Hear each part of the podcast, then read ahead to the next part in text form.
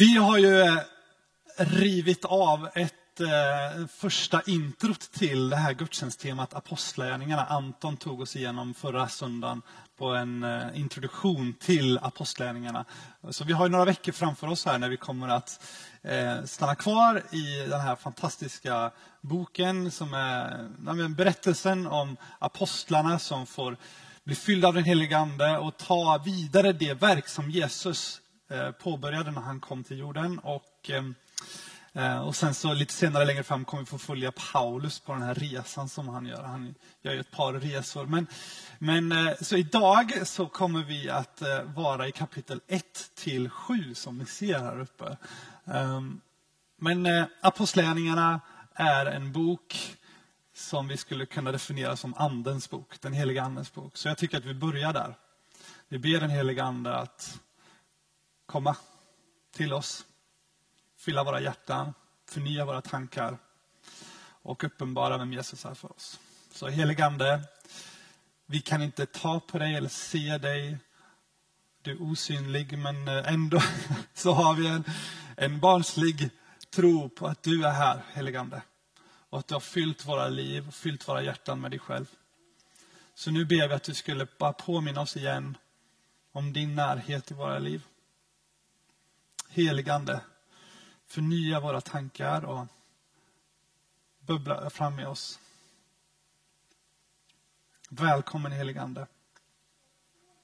Vi öppnar våra liv och öppnar den här stunden för dig. Till att göra det du vill i vår gemenskap och i våra hjärtan. I Jesu namn. Amen. Egentligen så skulle vi kunna stanna här och så skulle ni kunna få vända er till er grannar och skulle ni kunna få berätta för era grannar om vad ni tänker om den helige Ande och vad, vad era erfarenheter är av den helige Ande. Eh, men jag, vi, vi, vi eh, skickar med det in i kyrkfikat sen. Att ni kan få jättegärna få dela med er. Man behöver inte skämmas för att ta upp det samtalet de här veckorna. Vad gör den helige Ande i mitt liv och i ditt liv? Att fråga det. Utan det är väldigt naturligt de här veckorna att ställa den frågan. Vad gör den helige Ande i ditt liv?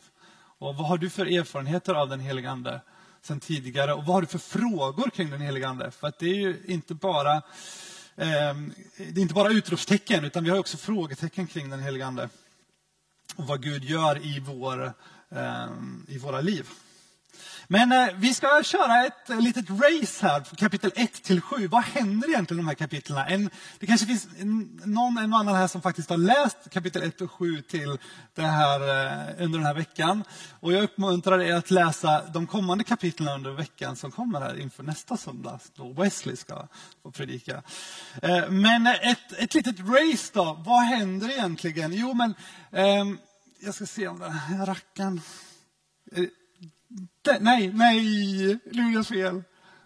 Det var rätt. Jesus, han hänger med, med lärjungarna och apostlarna eh, efter att han har återuppstått och eh, fortsätter undervisa dem om riket. Och så säger han så här, stanna kvar. Vad ni än gör, vänta i Jerusalem så ska ni få bli fyllda av den helige Ande och få kraft. Och sen så, eh, lite senare så händer det här då att Jesus, för, alltså han, han, han drar iväg upp bland skyarna. Och lärjungarna, ja, jag vet inte vad deras reaktion är, men Anton försökte eh, gestalta det här förra. Det låter som att det är en fågel i mitt huvud, men är det, hör ni också fågeln? Det är en fågel här uppe? Ah, okay, ah, då, då vet vi alla det. Det är en fågel i huset. Ja. Eh, det får vara den helige Ande idag. Nu gick det lite synligare. Ja, härligt. Ja, men deras reaktion är alltså väl... vad händer? Alltså, han drar iväg liksom. Jesus försvinner upp bland, bland molnen. Och så kommer änglarna och så säger han, vad står ni och tittar ut mot skyn för? Um, och såklart gör man det. Men han eh, implicerar väl där att han är mitt ibland er. Uh, ändå. Ja, vi går vidare. Eh, sen så saknas det en. Eh, Judas har ju lämnat dem och de väljer ut Mattias att haka på gänget så han blir en av de tolv. Det är ju superbra, då är de fulltaliga. Och sen händer det här. Hej baberiba, pingsten kommer. Alltså den dagen då den helige Ande på ett ännu mer påtagligt sätt bara hälls ut över vår värld. Ja, det liksom kommer med buller och brak. Det är liksom eh, stormvind som dyker in i det rummet där de sitter. Och jag tänker att det är nog eh, både en skräckblandad förtjusning som sker i deras inre när de är med om det här. Men det kommer som tung, tungor som av eld som landar på dem och de börjar tala alla möjliga tänkbara språk. Och människorna runt omkring dem som kommer från olika håll. För det här är en högtid i Jerusalem som firas. och det kommer människor från alla håll som talar olika språk. Men de känner igen sitt eget språk. Tänk bara, vad är det som händer? De är fulla, är det som säger. Men så, så visar det sig att en del också tror att det här är något häftigt som händer. Något som är på riktigt speciellt. Så Petrus tar tillfället i akt och river av en riktig alltså pingstpredikan. Han går liksom all in med andens kraft och så predikar han eh, stora saker. Och eh, det står att det högg till i hjärtat på dem som lyssnade. När de fick höra om att Jesus har uppstått och vad det betyder för dem. För människorna idag. Ja, det är, det är bra grejer och eh, 3000 den dagen kommer till tro på det här. 3000 på en enda dag. Och sen bara det fortsätter. Fler och fler kommer till den här fantastiska gemenskapen. För den troendes gemenskap står det om i Apostlagärningarna, att de delade allt, de bad tillsammans, eh, delade den här gemenskapen kring måltiden som Jesus hade instiftat och ehm, eh, i jublande uppriktig glädje levde de på det här sättet. Ja, det låter ganska så häftigt och vackert. Och fler och fler anslöt sig till det här. Ja, det är vackert, men sen börjar det hända. Ja, de levlar upp liksom. De steppar upp gamet lite grann och ehm, eh, det innebär både bra saker men också problem. Alltså, eh, Petrus, han, han, genom hans kropp så, så, så helas en lamman. Eh, för att han säger, jag har inte det du ber mig om, men det jag har, det ger jag dig. Så stå upp och gå. Och då gör den här mannen det och det blir liksom folket eh, blir helt, eh, de blir lyriska över det här. Det här är så stort och så fantastiskt. Och eh, så eh, den här gemenskapen vinner folkets förtroende mycket i, i, genom det här helandet som sker. Men de religiösa ledarna blir upprörda och eh, fängslar Petrus och gänget över natten. Eh, och Petrus får stå till svars för att den lame mannen nu kan gå. Vad är det som händer? Han måste liksom försvara det här. Vad är det som har hänt? Och de religiösa ledarna varnar dem och säger, var tysta, det här kan inte, ni kan inte hålla på med det här längre. Eh, och men Petrus frågar sig själv och dem, eh, ska jag lyda er? Eller ska jag lyda Gud? Och det är klart, jag måste lyda Gud, tänker han. Och ledarna kommer inte på ett bra sätt att straffa Eh, lärjungarna så att de får gå vidare. Ja. Eh, och här så liksom går de hem eh, och träffar sina vänner igen och delar sin liksom förkrosselse över det som har hänt. Och så ber de tillsammans och så skakas huset. Det mullrar i huset och de blir uppfyllda på nytt av den helige Ande och blir ännu mer frimodiga att gå ut återigen och fortsätta och berätta om riket. Ja. Eh, så var det med det. Ehm, och ehm, de fortsätter att dela den här gemenskapen och allt de har, det ger de in i den här gemenskapen och ser ingenting som sitt eget utan vi lever tillsammans med de ekonomiska eh, förutsättningarna som vi har. Så vi delar det tillsammans. Ja. Det rullar vidare och så händer någonting väldigt dramatiskt. Känner ni igen de här? Kan ni gissa vilka det här är? Nej, det kanske inte kan. Jag vet inte om de såg ut exakt så här. Eh, Ananias och Safira. Det här paret, ja exakt. Det här fantastiska paret som eh, kommer och ger pengar för att de vill ansluta sig till gemenskapen. Så de har sålt sin ägo eh, och kommer med pengarna. Men de håller lite bakom ryggen. De ger inte allt. Och då står det i Apostlagärningarna att Gud slår först Ananias till backen och sen Safira till backen. De dör, knallfall, mitt framför apostlarna. och det här kan man ju få huvudbry av. Alltså, eh, vad är det som händer egentligen? Vem är den här guden? Ja. Så eh, intressant. Eh, vi går vidare. Det fortsätter. Det är tecken och under på. Alltså det bara langas på här. Ehm, och de, ehm, Eh, de apostlarna, nu ska jag se vart jag är någonstans så jag bara hänger med mig själv. Ehm, ja, men människor från alla håll blev eh, genom apostlarnas händer botade. Och man förde massa människor dit för att folk skulle, om, om inte annat så skulle i alla fall Petrus skugga få landa på någon av de sjuka och då skulle de bli helade. Vilket inträffar enligt berättelsen. Det är helt galet. Eh, ja. Men eh, det här kommer också med utmaningar. Eh, de religiösa ledarna fortsätter att bli upprörda. Nu står det till och med att de är avundsjuka. Alltså, ni vet apostlarna, det här var olärda människor. Det var fiskare, det var bönder. De hade inte koll på läget. Men de religiösa ledarna minsann, de var bildade. Det är oss ni ska lyssna på. Ni kan, ja. Det växer en avundsjuka. De vet inte vad de ska göra med det här. Eh, så de fängslar apostlarna igen. Men en ängel öppnar upp fängelset för dem och säger gå tillbaks till templet och förkunna och berätta om vad allt, allt om vad det här livet handlar om. Det här livet tillsammans med den heliga Ande, tillsammans med Jesus. Så de gör det och eh, de religiösa ledarna fattar ingenting. När de ska hämta dem i fängelset så bara, de är borta. Var är de? Då står de i templet och liksom predikar. Ja, de blir frustrerade, hämtar, hämtar tillbaka Petrus apostlarna och eh, de fortsätter att säga att vi måste ju lyda Gud mer än vad vi lyder människor. Eh, men det finns inget smart sätt för liksom religiösa ledarna att, att stävja det här. Så de vet inte vad de ska göra, så de piskar dem lite och sen får de gå vidare.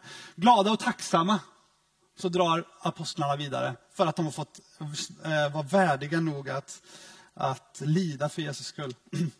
Jag vet inte hur du skulle se det framför dig, men de har liksom utsatt för den här liksom, pressen. De blir piskade, kommer ur där liksom, med glädje och tacksamhet över det här. Jag vet inte hur det ser ut. Om, jag vet inte. Det känns lite som ett hockeylag som kommer ut ur en tuff match. Liksom, så här. Det, man, jag vet inte hur, ja, man kanske brofist, jag vet inte. Någonting. Det är mycket testosteron i alla fall, kan jag tänka mig. Um, men de fortsatte såklart varje dag att berätta om detta stora som har hänt. Ja. De får lite strul med matutdelningen men löser det ganska snabbt genom att tillsätta några människor som fixar det, några diakoner typ. Ehm, och sen så stöter vi på den här mannen. Ser ni vem det är? Stefanos. Han eh, är en legend i kyrkans historia för att han blev kyrkans första martyr. Han var den första efterföljaren till Jesus som fick sätta livet till på det här sättet som Stefanus fick göra. Han river av också en ganska hängiven predikan som är fylld av vissa anklagelser mot de religiösa ledarna. Och eh, de gaddar ihop sig eh, mot Stefanus. Det är ett gäng från synagogan som hetsar upp folket och de stenar honom. De vill inte lyssna på vad han har att säga. Ja. Och i den vevan så får vi också säga hej till Paulus. För första gången. Han ser lite bitter ut här och han var ganska bitter vid det här laget. Han, var, han låg bakom Stefanos eh, mordet på Stefanos och förföljelsen av de kristna. Och, eh, sen förändras ju säkert hans min också efter mötet med Jesus. Jag vet inte, men han ser ju lite bitsk ut. Sådär. Ja, så var det med Apostlagärningarna kapitel 1-7. Så har ni fått en crash course där. Eh, och jag tänker att det första man igen, eller det, det, det största frågetecknet som finns här. Eh, jag vet inte om du håller med mig, jag tror att du håller med mig. Men i den här genomgången, vad är det liksom man studsar på mest? Då skulle jag nog ändå säga att det är den här grejen. Ananias och Safira, vad händer egentligen? Alltså de har sålt allt de äger, kommer med det till apostlarna och lägger det framför dem. Vill vara med i gemenskapen. Sen håller de lite bakom ryggen. Liksom. De tar inte riktigt fram allt. Så, men ändå är det, alltså, de dödade. Det är rätt drastiskt alltså. Det är inte helt okej. Okay. Det skaver lite i min bild av vem Gud är i alla fall. Jag vet inte om du känner det. Um, ja.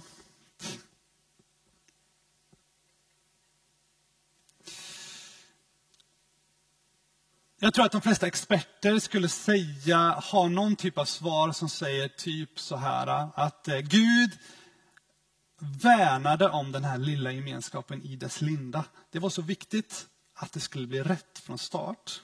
Att kulturen och värderingarna och hur de levde skulle få frodas ostört under den här ganska kritiska tiden. Så därför var han så noggrann med att det skulle få vara rätt och riktigt. Så därför gör han till och med så här med Ananias och Safira. Eh, Jag tänker själv när jag läser den här berättelsen att det finns nog ganska mycket här som vi inte vet om. Det är, det är en ganska korthuggen berättelse om Ananias och Safira. Som vi, vi, mycket detaljer som utelämnas, mycket som vi inte vet vad som egentligen hände. Um, och, men några saker som vi vet är att de inte omskrivs som efterföljare, vilket man gör av många andra i den här texten, att det var efterföljare till Jesus. Utan det här kanske var snarare, om vi tänker att det finns en, en stark hotbild mot den här lilla ganska stora gemenskapen nu, men den här gemenskapen eh, där religiösa ledarna inte vet hur de ska liksom angripa det här gänget, hur de ska stävja det här eh, folket som håller på att växa fram. Så tar man till andra medel än att bara piska och fängsla, för det har inte funkat hittills. Och då kanske att man skulle kunna tänka sig att de vill skicka in infiltratörer in i gemenskapen, som på ett annat sätt skulle kunna skapa orediga, osämja, att man inte längre kan lita på varandra i gemenskapen. Jag vet inte, det skulle kunna vara så. Och eh, att det ger då Gud en extra, liksom, eh, att det blir extra viktigt att värna om den här gemenskapen när den är i dess linda, i sin ringa begynnning. Så, för vi vet ju vad de här, det här gänget ska få betyda för världen. Alltså det här ska bli en global rörelse som förändrar världen. Och att det ska få komma ut med hopp och med helande för människor över hela vår jord. Så såklart är det viktigt vad som händer i början. Men jag tror att vi ändå trots det får leva med att vi har ett frågetecken här. Det här kommer vi inte riktigt fatta. Jag kände så i alla fall. Vem är Gud utifrån den här händelsen? Jag tror snarare att vi bör måla upp vår bild av vem Gud är utifrån vad Jesus, hur han levde och hur han berättade om vem Jesus var. Och, eh, det visar att Gud är en Gud är full av kärlek. Han är proppfull med kärlek och det står senare i Nya Testamentet också att Gud är kärlek. Eh, så liksom i sitt väsen så är han kärlek, det är vem han är. Och om Gud är kärlek, då är också hans vrede och eh, alla hans sätt att eh, handlingar som är för rättvisa och för upprättelse och för rättfärdighet, det är ett uttryck för hans kärlek. Men här, ja, vi förstår inte det här tror jag. Jag tror det är jättesvårt för oss att liksom se helheten och se hur hans godhet faktiskt tar sig uttryck här. Vi, det finns så mycket vi inte förstår här i den här delen. Mm. Ja, så att jag, det finns liksom, jag känner inte att det finns några jättetydliga svar här, men nu har vi ändå liksom landat lite här i den här eh, ganska utmanande berättelsen. Och jag tänker att eh, eh när vi målar upp vår gudsbild så behöver inte den raseras utifrån den här berättelsen. Utan vi kan fortsatt få leva med en bild som Jesus målar upp av vem Gud är. Och... Eh, så får vi ha frågetecken kring saker som händer som vi inte förstår, där vi inte kan se exakt hur Guds godhet tar sig uttryck. För vi är inte kapabla att heller förstå fullt ut. Men det är sunt, tror jag, att vi studsar vid den här texten och känner bara, vänta nu, stopp, vad är det här? Det här rimmar inte med min bild av vem Gud är. Det är sunt att stanna upp på det sättet. Ja, okej. Okay. Men det här är inte, det här är en anekdot i Apostlagärningarna. Det här är inte vad de första sju kapitlen egentligen inryms av. Det, här är inte det viktiga som händer i de första kapitlen. Det kommer vi till nu istället. Och det är så här att ehm, det viktigaste med de här kapitlen, det är pingsten. Att anden är given till alla. Och eh, Guds ande kommer över människorna väldigt påtagligt i, i apostlagärningarna här. Tungor som av eld kommer över dem. Och det är en bild som direkt hänvisar tillbaka till Gamla Testamentet. Både elden och Guds närvaro som var i templet, men också elden som var på Sinai berg. Ni vet när Mose och folket möter Gud ute i öknen och får ta emot bland annat de tio budorden. Där, det här är en direkt hänvisning tillbaka till den elden, Guds närvaro. Så Guds närvaro som tidigare människorna kunde ta del av i tabernaklet, tältet som de hade i öknen och en bit in i domartiden och framåt i historien. Eh, och senare i templet. Det var en plats där Guds närvaro manifesterades så tydligt. Ehm, men nu var det från och med den här stunden uppenbart för den som har skrivit apostlärningarna att det här var inte längre fallet, utan nu är Guds närvaro inte bara på en plats, utan den är given till alla människor som vill ha den. Så det är ett utbytt tillstånd. Och det här tror jag var Guds intention från start. Ända från skapelsens start och begynnelse så har det här legat på Guds hjärta.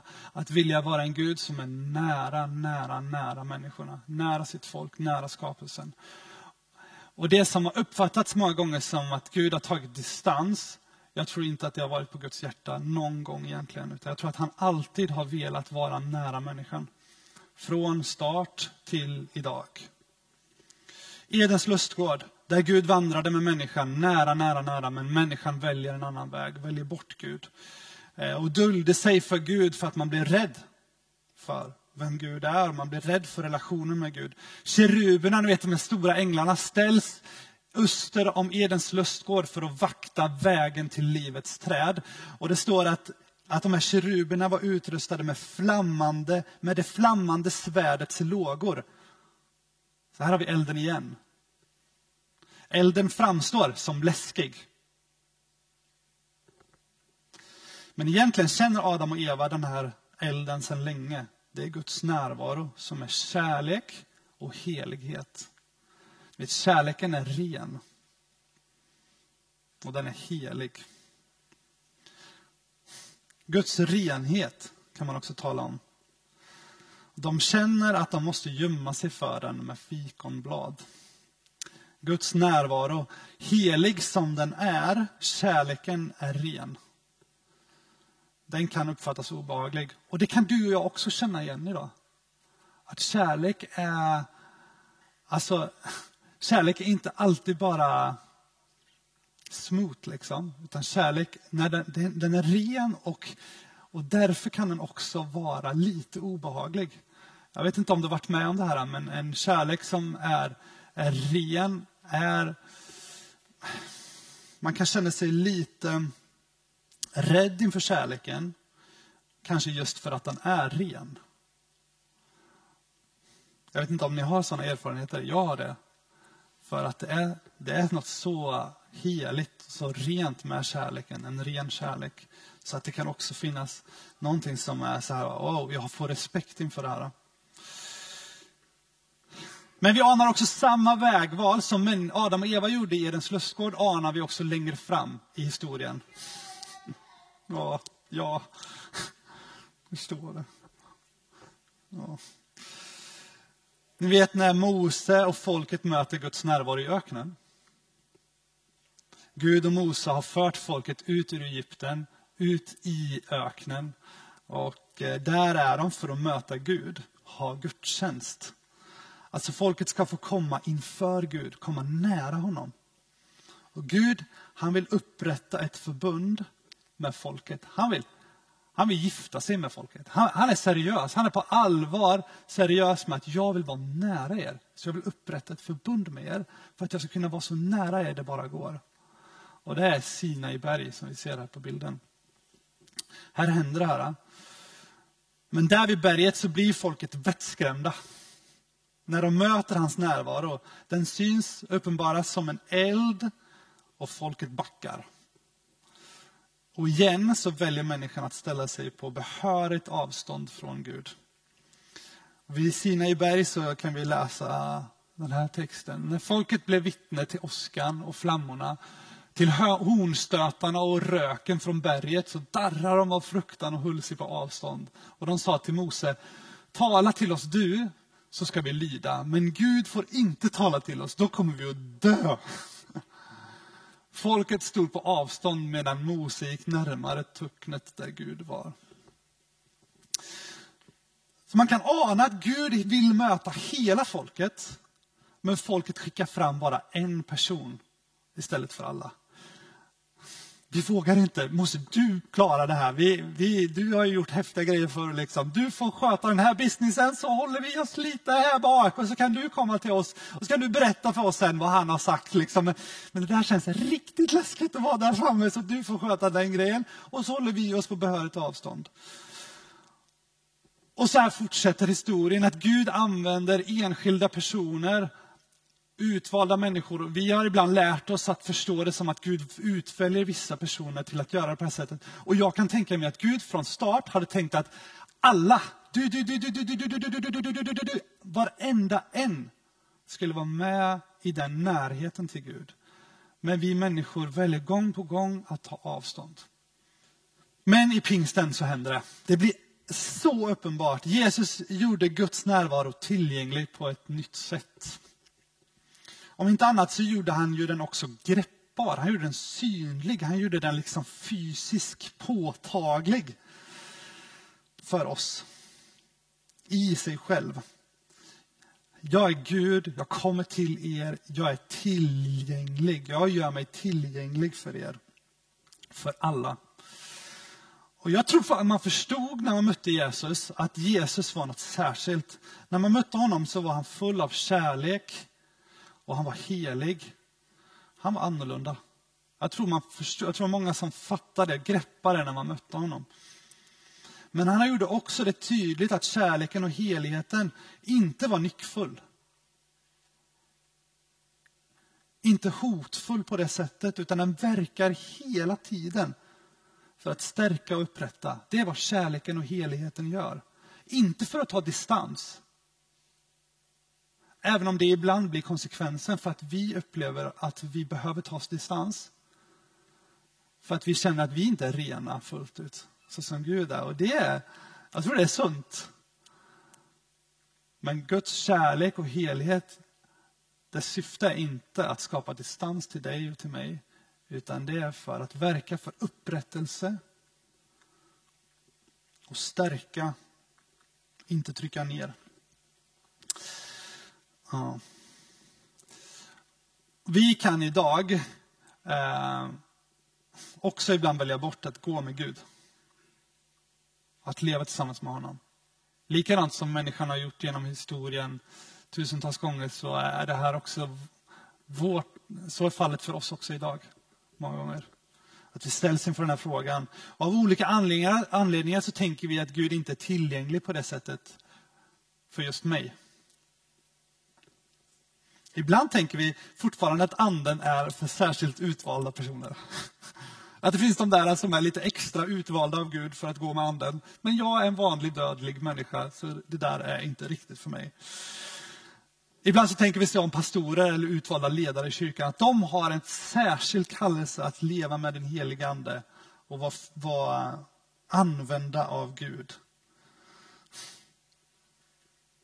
Att det finns en särskild förväntan kring de personerna. Förväntan på att Gud går genom deras liv på ett speciellt sätt. Ja. Men vänner, låt oss inte upprepa det misstaget som människan har gjort genom historien. Gång på gång. Låt oss inte gå på den den heliga Ande och Gud och hans närvaro är för vissa särskilda utvalda. Är för alla. Såklart så är det lättare för mig som pastor att vara upptagen av att Gud är närvarande i mitt liv. Jag menar, ni ger mig till och med betalt för att vara här på den här platsen och tänka på de här grejerna och leva i dem. Men tanken är att vi alla ska få gå varje minut av vår dag i den övertygelsen om att Gud går med mig. Gud bor i mig och Gud både vill och kan använda mig varje dag. Det är hans intention från start. Det är hans goda vilja för ditt liv. att använda dig. Varje dag. Och det är en fest för oss att få använda av honom. När, när hans liv går genom våra kroppar. Och att du ska få leva med den övertygelsen. Och ibland känns det som att vi bara, om vi bara blir påminda om det där i vår vardag, då skulle vi kunna teama upp och göra saker tillsammans med Gud ännu mer. Bara vi blir liksom bara varse om det, dag efter dag. Och blir påminna om det. När vi städar på ICA eller när vi drar runt och beskriver försäkringar till olika företag och anställda på platser. Eller när vi eh, pysslar med ekonomin på sitt företag. Alltså de här grejerna som är så vardagliga. Eh, när vi tar hand om sjuka människor, när vi försöker lära barn att räkna matte, när vi hälsar på en kär gammal vän och dricker kaffe. Alla de här situationerna. Och ibland så tänker vi också att vi inte kan bli använda av Gud, göra saker tillsammans med honom för att jag har för lite att ge. Och det, det sista, bara en, det sista innan vi går ner för landning här, så, tror jag det här också är viktigt utifrån Apostlagärningarna kapitel 1-7, att poängtera det här. Eh, ibland så tänker vi att det bara är starka människor som har gott om egna resurser, pengar, energi och talanger. De människorna kan bli använda av Gud, inte jag för jag är för svag, eller fattig eller talanglös. Men i kapitel 1-7 så bryter förföljelsen ut, som vi läste om här. Stefanus blir slaktad och de blir fängslade. Och eh, genom kyrkans historia så eh, har det funnits en, två traditioner. Det röda martyrskapet, som vi lever med väldigt mycket idag, och det vita martyrskapet. Eh, det röda martyrskapet är helt enkelt när människor får ge sitt liv, sitt blod, för att man tror på Jesus. Man blir dödad. Det är det röda martyrskapet. Sen finns det det vita martyrskapet som blev en tradition inom kyrkan när, eh, när, när kyrkan hamnade i maktposition. Någon gång 350-talet och framåt så blev det statsreligion och då var man inte längre hotad om man var kristen på det sättet som man var tidigare. Men man hade insett sitt behov av att vara utsatt för att gå med Gud starkt. Alltså man hade insett sitt behov av att vara beroende av Gud för att kunna leva med Gud starkt i sitt liv. Så då iscensatte man det genom askesen, kallar man det. Alltså, eh, när man liksom avsade sig olika saker, bekvämligheter i livet för att leva mer utsatt. En del en del slutade käka, andra liksom drog ut i vildmarken och levde med vilda djuren. Man hittade på massa grejer för att liksom hamna i en mer utsatt situation och därmed få ett större beroendeskap till Gud och genom det kunna leva tillsammans med Gud ännu starkare. Jag tror idag att vi har tillräckligt med utmaningar för att känna att vi har behov av Gud, bara vi, bara vi kommer i kontakt med att de här behoven som vi har, de är en mötesplats med Gud. Jag tänker på all psykisk ohälsa som vi har omkring oss. Det är ett träsk. Det är på allvar ett riktigt träsk för oss idag. Där har vi ett sånt stort behov av Gud i våra liv. Och Jag tror att vi skulle bara behöva rikta vårt behov mot Gud och säga här, här är vi så utsatta Gud. Det får bli en mötesplats med dig Gud. Vi behöver dig här. Ett beroendeskap till Gud. Så snarare i kyrkans historia så har det varit att lida brist på energi eller kapacitet på olika saker, resurser. Det har ju snarare varit ett sätt att möta Gud, snarare än ett sätt som avfärdar dig från att vara tillräcklig för att kunna bli använd av Gud. Så tror du att Gud inte kan använda dig för att du inte har tillräckligt med pengar, för att du är talanglös eller för att du är trött, Han är inte beroende av vad vi har, han är beroende av vårt beroendeskap av honom. Då kan han använda oss. Så gör din brist till ett beroende av Gud. Ja, summa summarum. Guds intention från start tills idag är att vi människor inte ska gå ensamma genom livet. Han vill vandra med oss så nära att han till och med tar sin boning inom oss. Han vill ha dig som sitt hem. Vill du göra dig ännu mer hemma med den tanken? Och ha en förväntan på vad det kan innebära i din vardag. Micke och Ann-Sofie, ni får jättegärna komma fram. Ja.